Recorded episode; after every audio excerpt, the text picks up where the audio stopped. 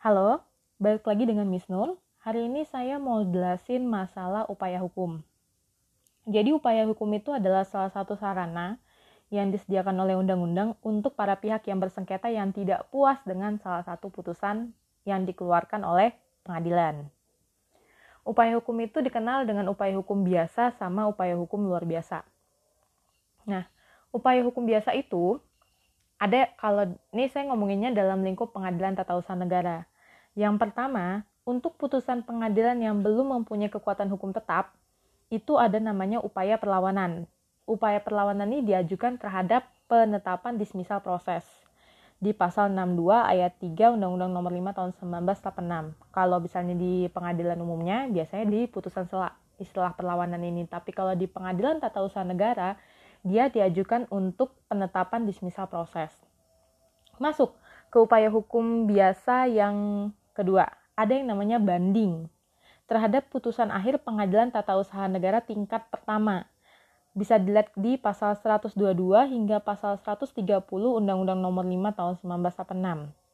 Ada kasasi terhadap putusan pengadilan tata usaha negara di pasal 131 Undang-Undang Nomor 5 Tahun 1986, Jungto Pasal 55 ayat 1, Pasal 28 hingga Pasal 53 Undang-Undang Nomor 14 Tahun 1985 tentang Mahkamah Agung, Jungto Undang-Undang Nomor 5 Tahun 2004.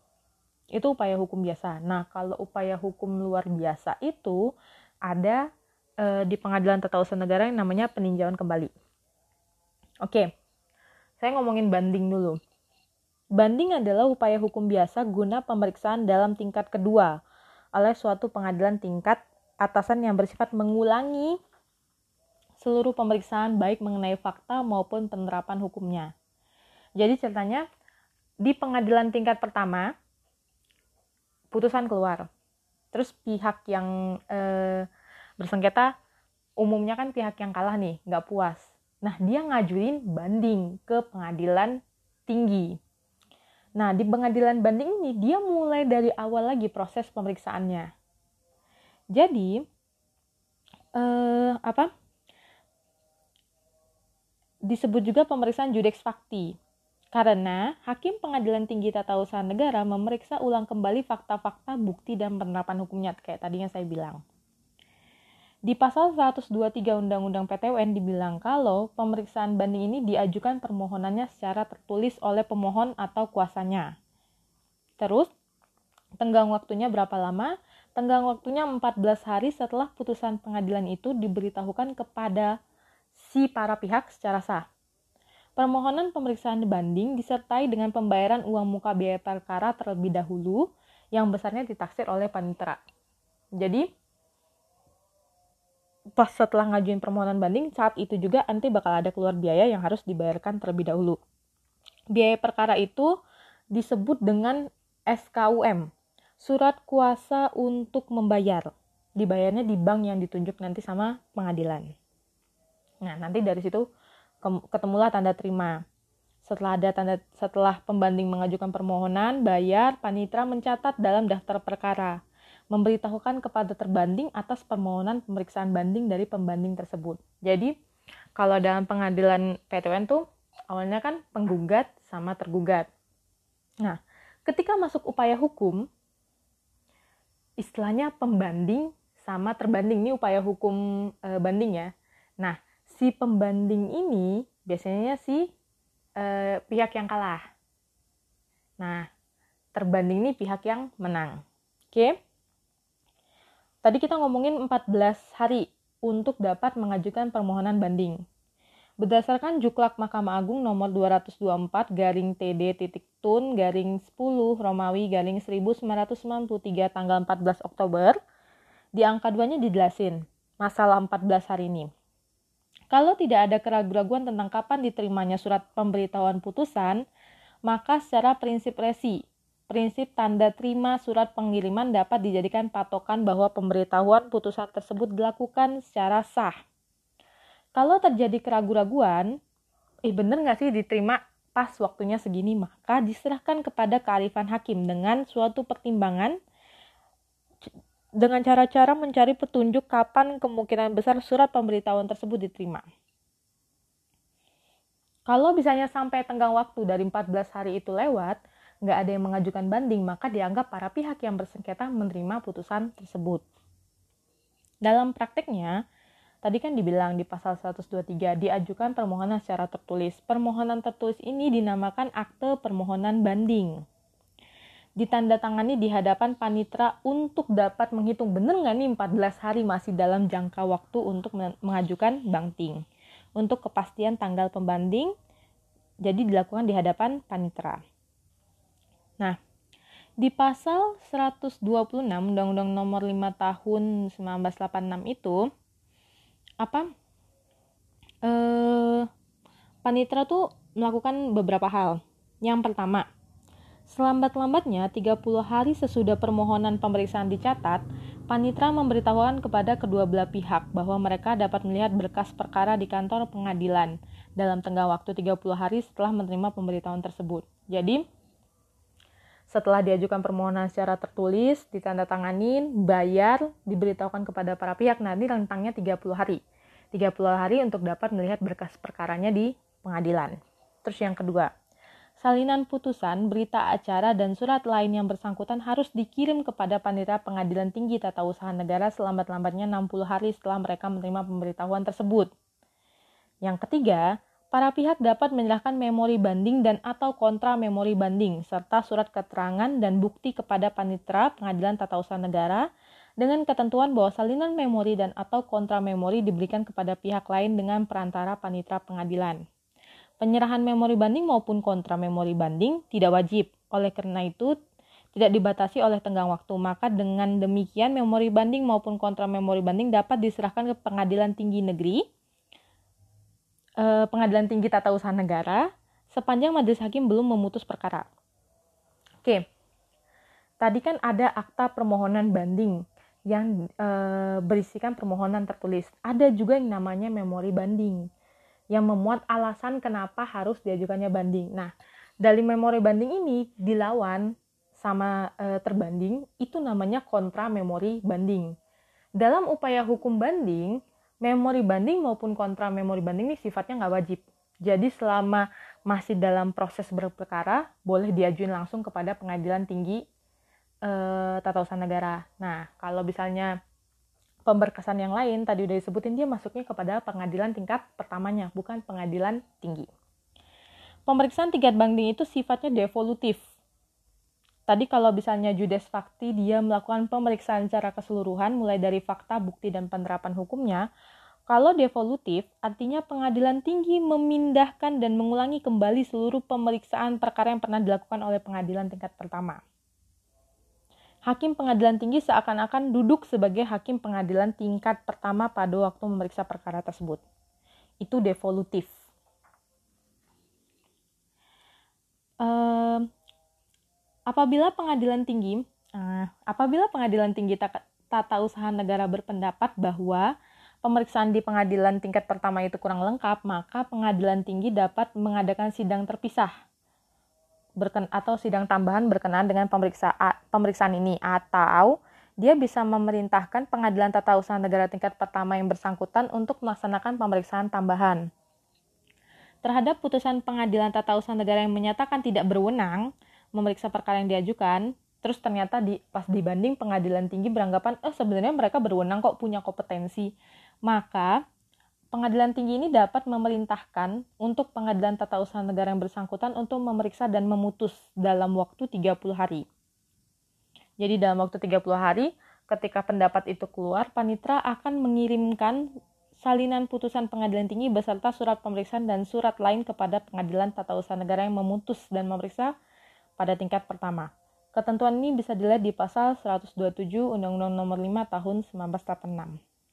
Nah, Lanjut, apabila pembanding tidak berkenan lagi untuk meneruskan permohonan bandingnya, maka dapat dicabut sebelum permohonan pemeriksaan banding diputus oleh pengadilan tinggi. Dan apabila permohonan banding telah dicabut, tidak dapat diajukan lagi meski jangka waktu untuk mengajukan permohonan masih ada. Jadi kan tadi tenggang waktu untuk mengajukan permohonan banding adalah 14 hari setelah putusan diterima. Nah, pas lagi proses nih, diajuin lah, anggaplah hari ketujuh misalnya. Diajuin banding, oke. Okay ternyata pas tengah perkara ah udahlah kita selesai aja dia cabut nah dia nggak boleh ngajuin lagi meski belum sampai 14 hari jadi banding itu cuma bisa diajukan sekali kalau misalnya eh, gugatan kalau gugatan dicabut gugatan itu harus dinyatakan di sidang terbuka untuk umum. Dan gugatan masih bisa diajukan kembali. Tapi kalau banding nggak. Cuma bisa sekali. Oke. Putusan pengadilan tinggi tata usaha negara terhadap sengketa yang dimohonkan banding itu dapat berupa satu, menguatkan putusan hakim tingkat pertama dengan cara memperbaiki putusan hakim tingkat pertama, mengambil alih atau mengoper seluruh atau sebagian pertimbangannya. Yang kedua, membatalkan untuk seluruhnya dan atau sebagian dari putusan hakim tingkat pertama dengan mengadili sendiri seperti seakan-akan duduk sebagai hakim pertama. Jadi ada dua, keputusan dari uh, putusan pengadilan dari banding ini. Yang pertama menguatkan, yang kedua membatalkan. Oke. Saya masuk ke upaya hukum yang kedua yaitu kasasi. Putusan pengadilan dalam tingkat banding dapat dimintakan kasasi kepada Mahkamah Agung. Kecuali ditentukan lain oleh undang-undang. Jadi gini, ada hal yang perlu diingat. Untuk kasasi dia harus dulu banding. Nggak boleh serta-merta dari tingkat pertama langsung diajuin kasasi tapi dia harus melalui banding dulu. Itu satu. Nah, tadi kan dibilang boleh dikasasi kecuali ditentukan lain oleh undang-undang. Nah, ada beberapa ketentuan tuh ya. Dalam Undang-Undang Nomor 5 Tahun 2004, eh, perubahan atas Undang-Undang Nomor 14 Tahun 1985 tentang Mahkamah Agung, beberapa putusan pengadilan tinggi yang tidak dapat diajukan permohonan kasasi. Satu, dinyatakan ya, dinyatakan di pasal 45A Mahkamah Agung dalam tingkat kasasi mengadili perkara yang memenuhi syarat untuk diajukan kasasi, kecuali perkara yang dibatasi pengajuannya. Nah, perkaranya apa aja? Jadi ini masuk ayat 2-nya, 45A ayat 2. Putusan tentang pra-peradilan. Perkara pidana yang diancam dengan pidana penjara paling lama satu tahun dan atau diancam pidana denda. Perkara tata usaha negara yang objek gugatannya berupa keputusan pejabat daerah yang jangkauan keputusannya berlaku di wilayah yang bersangkutan permohonan kasasi terhadap perkara sebagaimana dimaksud tadi atau permohonan kasasi yang tidak memenuhi syarat-syarat formal dinyatakan tidak dapat diterima dengan penetapan ketua pengadilan tingkat pertama dan berkas perkaranya tidak dikirim ke Mahkamah Agung. Penetapan ketua pengadilan sebagaimana di, e, disebutkan sebelumnya tidak dapat diajukan upaya hukum lagi. Jadi kalau yang dia permohonan kasasi saya, tadi yang uh, untuk tun yang di wilayah bersangkutan perkara pidana yang ancaman paling lambat satu tahun terus juga tentang pra peradilan atau permohonan kasasi yang tidak memenuhi syarat formal dinyatakan tidak dapat diterima dengan penetapan ketua pengadilan tingkat pertama maka udah nggak bisa diajuin kasasi. Oke. Okay. Kalau dilihat gitu ya, ketentuan ini tidak termasuk uh, di penjelasannya, di penjelasan undang-undang ya tidak termasuk keputusan pejabat tata usaha negara yang berasal dari kewenangan yang tidak diberikan kepada daerah sesuai dengan peraturan perundang-undangan. Oke. Uh, masuk tadi ya, tadi kan dibilang salah satu putusan yang jadi pengecualian adalah yang tidak dapat dikasasikan adalah perkara tata usaha negara yang objek gugatannya berupa keputusan pejabat daerah yang jangkauan keputusannya berlaku di wilayah bersangkutan. Itu yang kayak apa sih gitu. Jadi di Rakernas Mahkamah Agung di Batam nih pada tahun 2006 ada satu rumusan parameter yang digunakan oleh ketua pengadilan untuk menentukan apa, apakah keputusan pejabat daerah tersebut merupakan e, keputusan pejabat daerah yang jangkauannya hanya berlaku di wilayah daerah yang bersangkutan. Yang pertama, parameternya. Keputusan ke pejabat daerah tersebut diterbitkan berdasarkan peraturan pendang-undangan yang secara atributif memberikan kewenangan langsung kepada pejabat daerah jadi perlu dicermatin peraturan dasar jadi dasar kewenangan penerbitan keputusan tersebut bisa dilihat di konsideran e, mengingat atau dimenimbang ya bisa. Terus yang kedua parameternya produk keputusan hanya berlaku di wilayah daerah yang bersangkutan. Ini maksudnya misalnya keputusan wali kota Batam nomor sekian sekian tentang bla bla bla bla di kota Batam. Nah kan udah jelas tuh konteksnya, cuman di satu daerah. Tidak termasuk keputusan itu yakni keputusan yang diterbitkan oleh pejabat daerah yang sumber kewenangannya berasal dari pelimpahan kewenang kewenangan berdasarkan peraturan perundangan yang, yang secara atributif kewenangan tersebut merupakan kewenangan pejabat pusat. Menyangkut hal tersebut ada wacana bahwa yang dimaksud keputusan yang berlaku di wilayah daerah yang bersangkutan yaitu khusus keputusan kepala daerah yang didasarkan pada kewenangan daerah berdasarkan asas desentralisasi. Jadi tidak termasuk keputusan yang diterbitkan berdasarkan kewenangan yang didasarkan pada asas dekonsentrasi dan asas Mendebenwin. Dengan kata lain, hanya meliputi keputusan-keputusan yang diterbitkan oleh pejabat daerah dalam melaksanakan otonomi daerah. Untuk menentukan apakah suatu keputusan tata usaha negara dapat diajukan upaya hukum kasasi, maka terlebih dahulu didengar pihak yang bersengketa dan selanjutnya ketua pengadilan mengeluarkan surat keterangan bahwa perkara tersebut dap tidak dapat dikasasi dengan alasan apa. Kalau misalnya e, mau diajuin kasasi, jadi kalau e, buat nggak dapat dikasasi harus ada surat keterangannya dulu.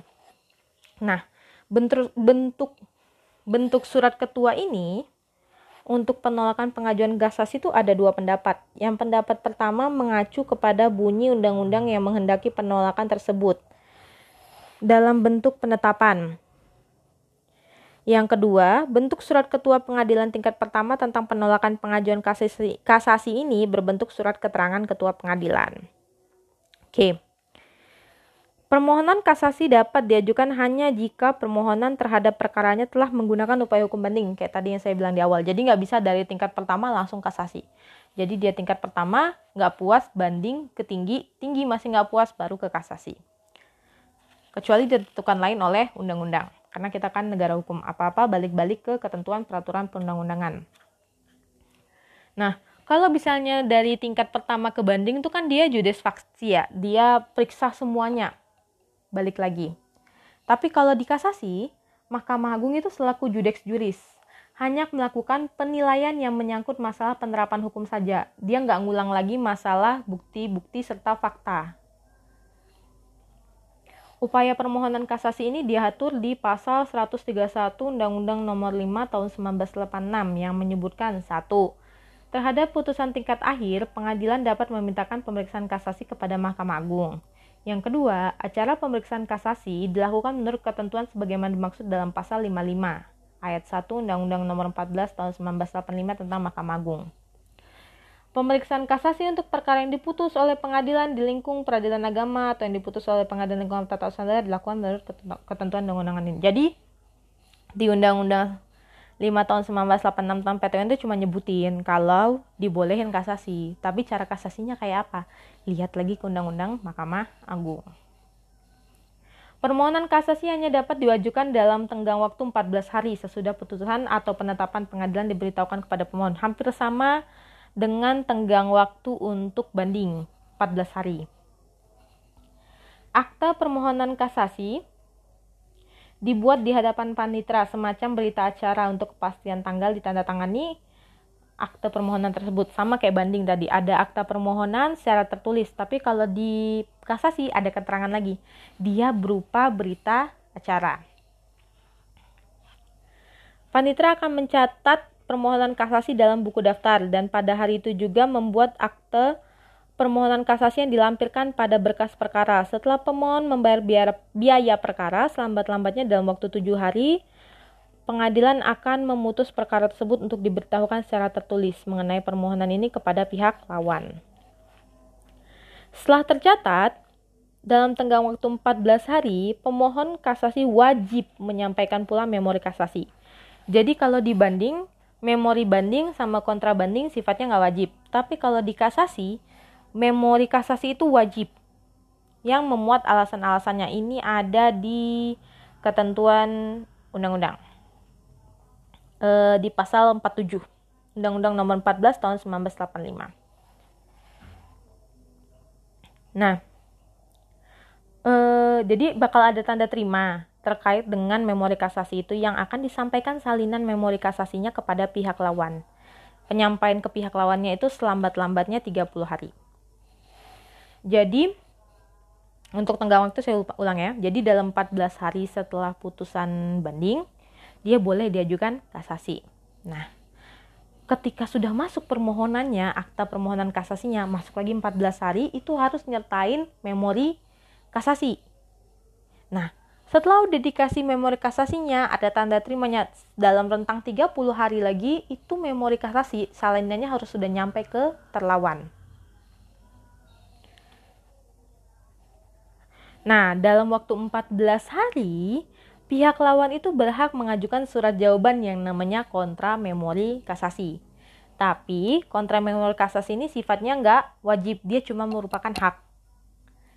Jadi istilahnya gini, eh, aku min saya minta sesuatu nih, saya uh, harus ngasih tahu dong kenapa saya minta ini dan kenapa permintaan saya harus dikabulkan. Nah, sebagai pihak yang lebih istilahnya punya kedudukan atau prioritas yang lebih tinggi ya, ya terserah dia gitu. Dia mau terima aja sama permintaan saya atau dia mau ngasih alasan kenapa dia nggak bisa ngabulin. Makanya jadi memori kasasi itu wajib, kontra memori kasasi itu sifatnya hak. Oke. Saya lanjut. Mahkamah Agung dalam tingkat kasasi eh, dapat membatalkan putusan atau penetapan pengadilan dari semua lingkung peradilan karena satu tidak berwenang atau melampaui batas wewenang.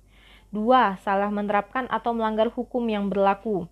Tiga, lalai memenuhi syarat-syarat yang diwajibkan. Jadi alasan Mahkamah Agung melakukan pembatalan putusan pada tingkat kasasi ini bisa dilihat di pasal 30 ayat 1 Undang-Undang Mahkamah Agung 14 tahun 1985.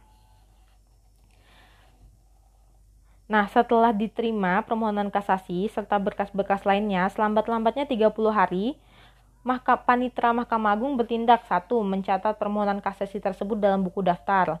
Dua Membuat catatan singkat terhadap isinya. Tiga Melaporkan semua itu kepada Mahkamah Agung. Pemeriksaan kasasi dilakukan oleh Mahkamah Agung berdasarkan surat penyurat dan hanya jika dipandang perlu.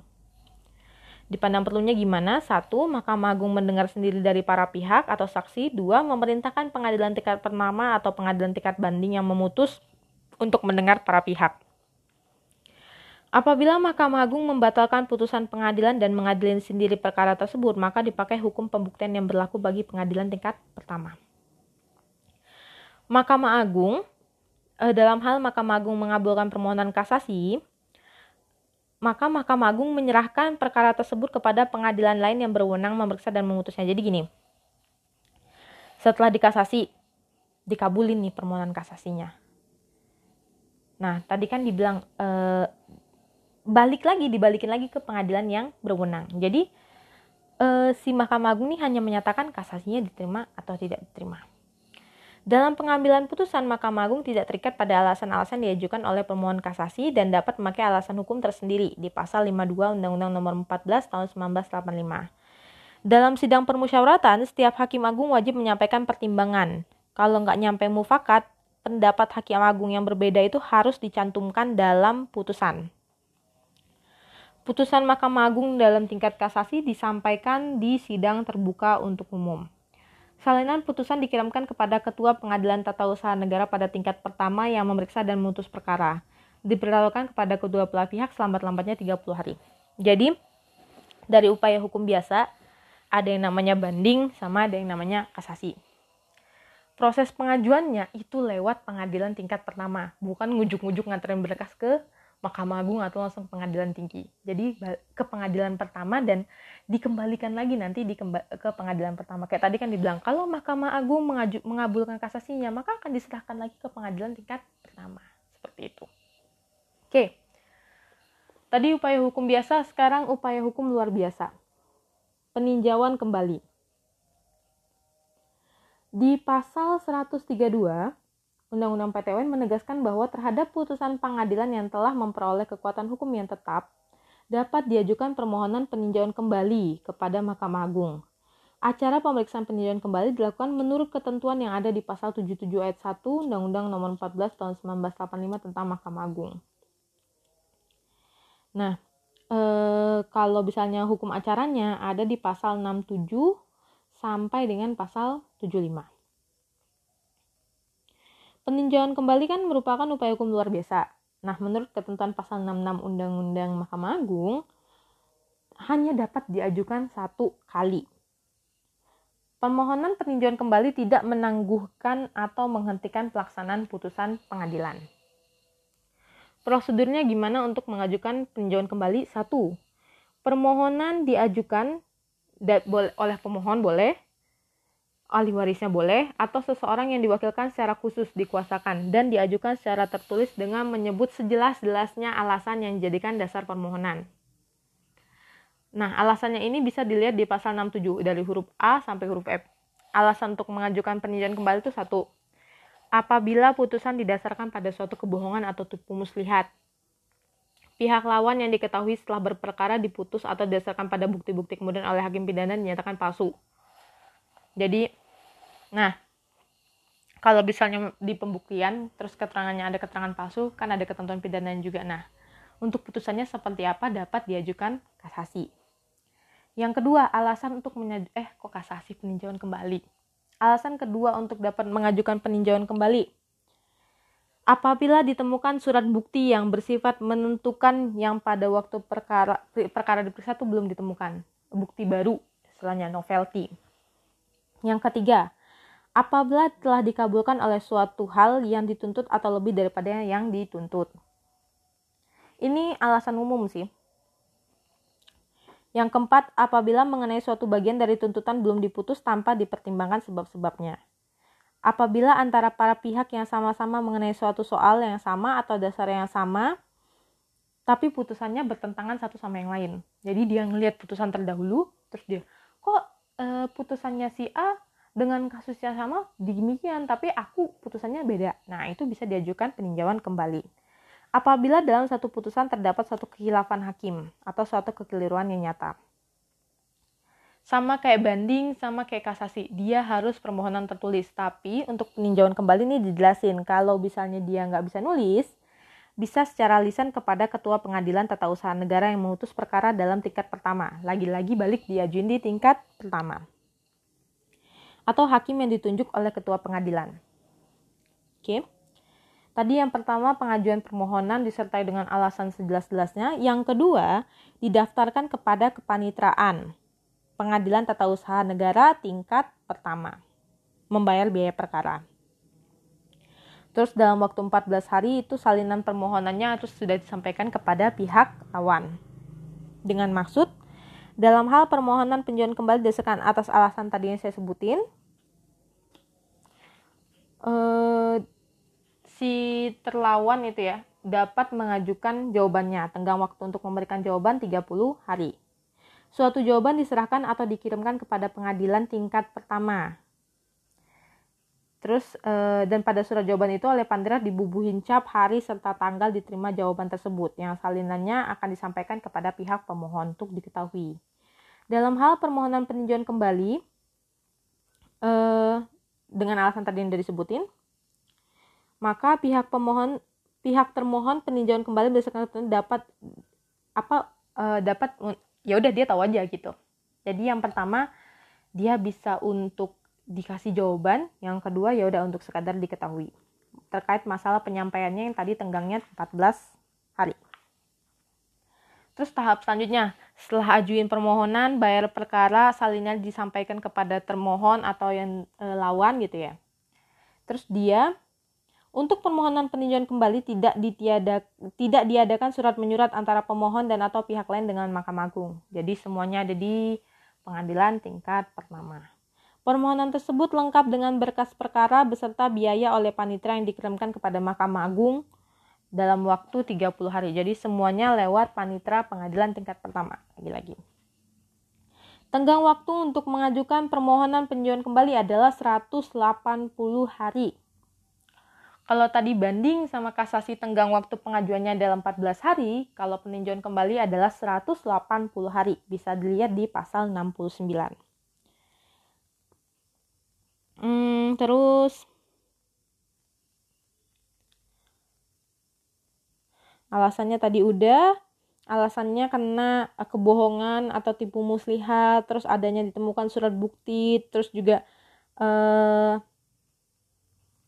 apa? Uh, kok jadi mikir? Oh kekilafan hakim. Nah seperti itu. Alasan-alasannya. Jadi kalau alasan-alasan itu ditemukan dalam tenggang waktu 180 hari dapat diajukan peninjauan kembali dan hanya cuman bisa sekali. Apabila hasil pemeriksaan terdapat kekurangan, Di pasal 73 dibilang kalau satu, Mahkamah Agung berwenang untuk memerintahkan pengadilan tata usaha negara tingkat pertama atau tingkat banding untuk mengadakan pemeriksaan tambahan.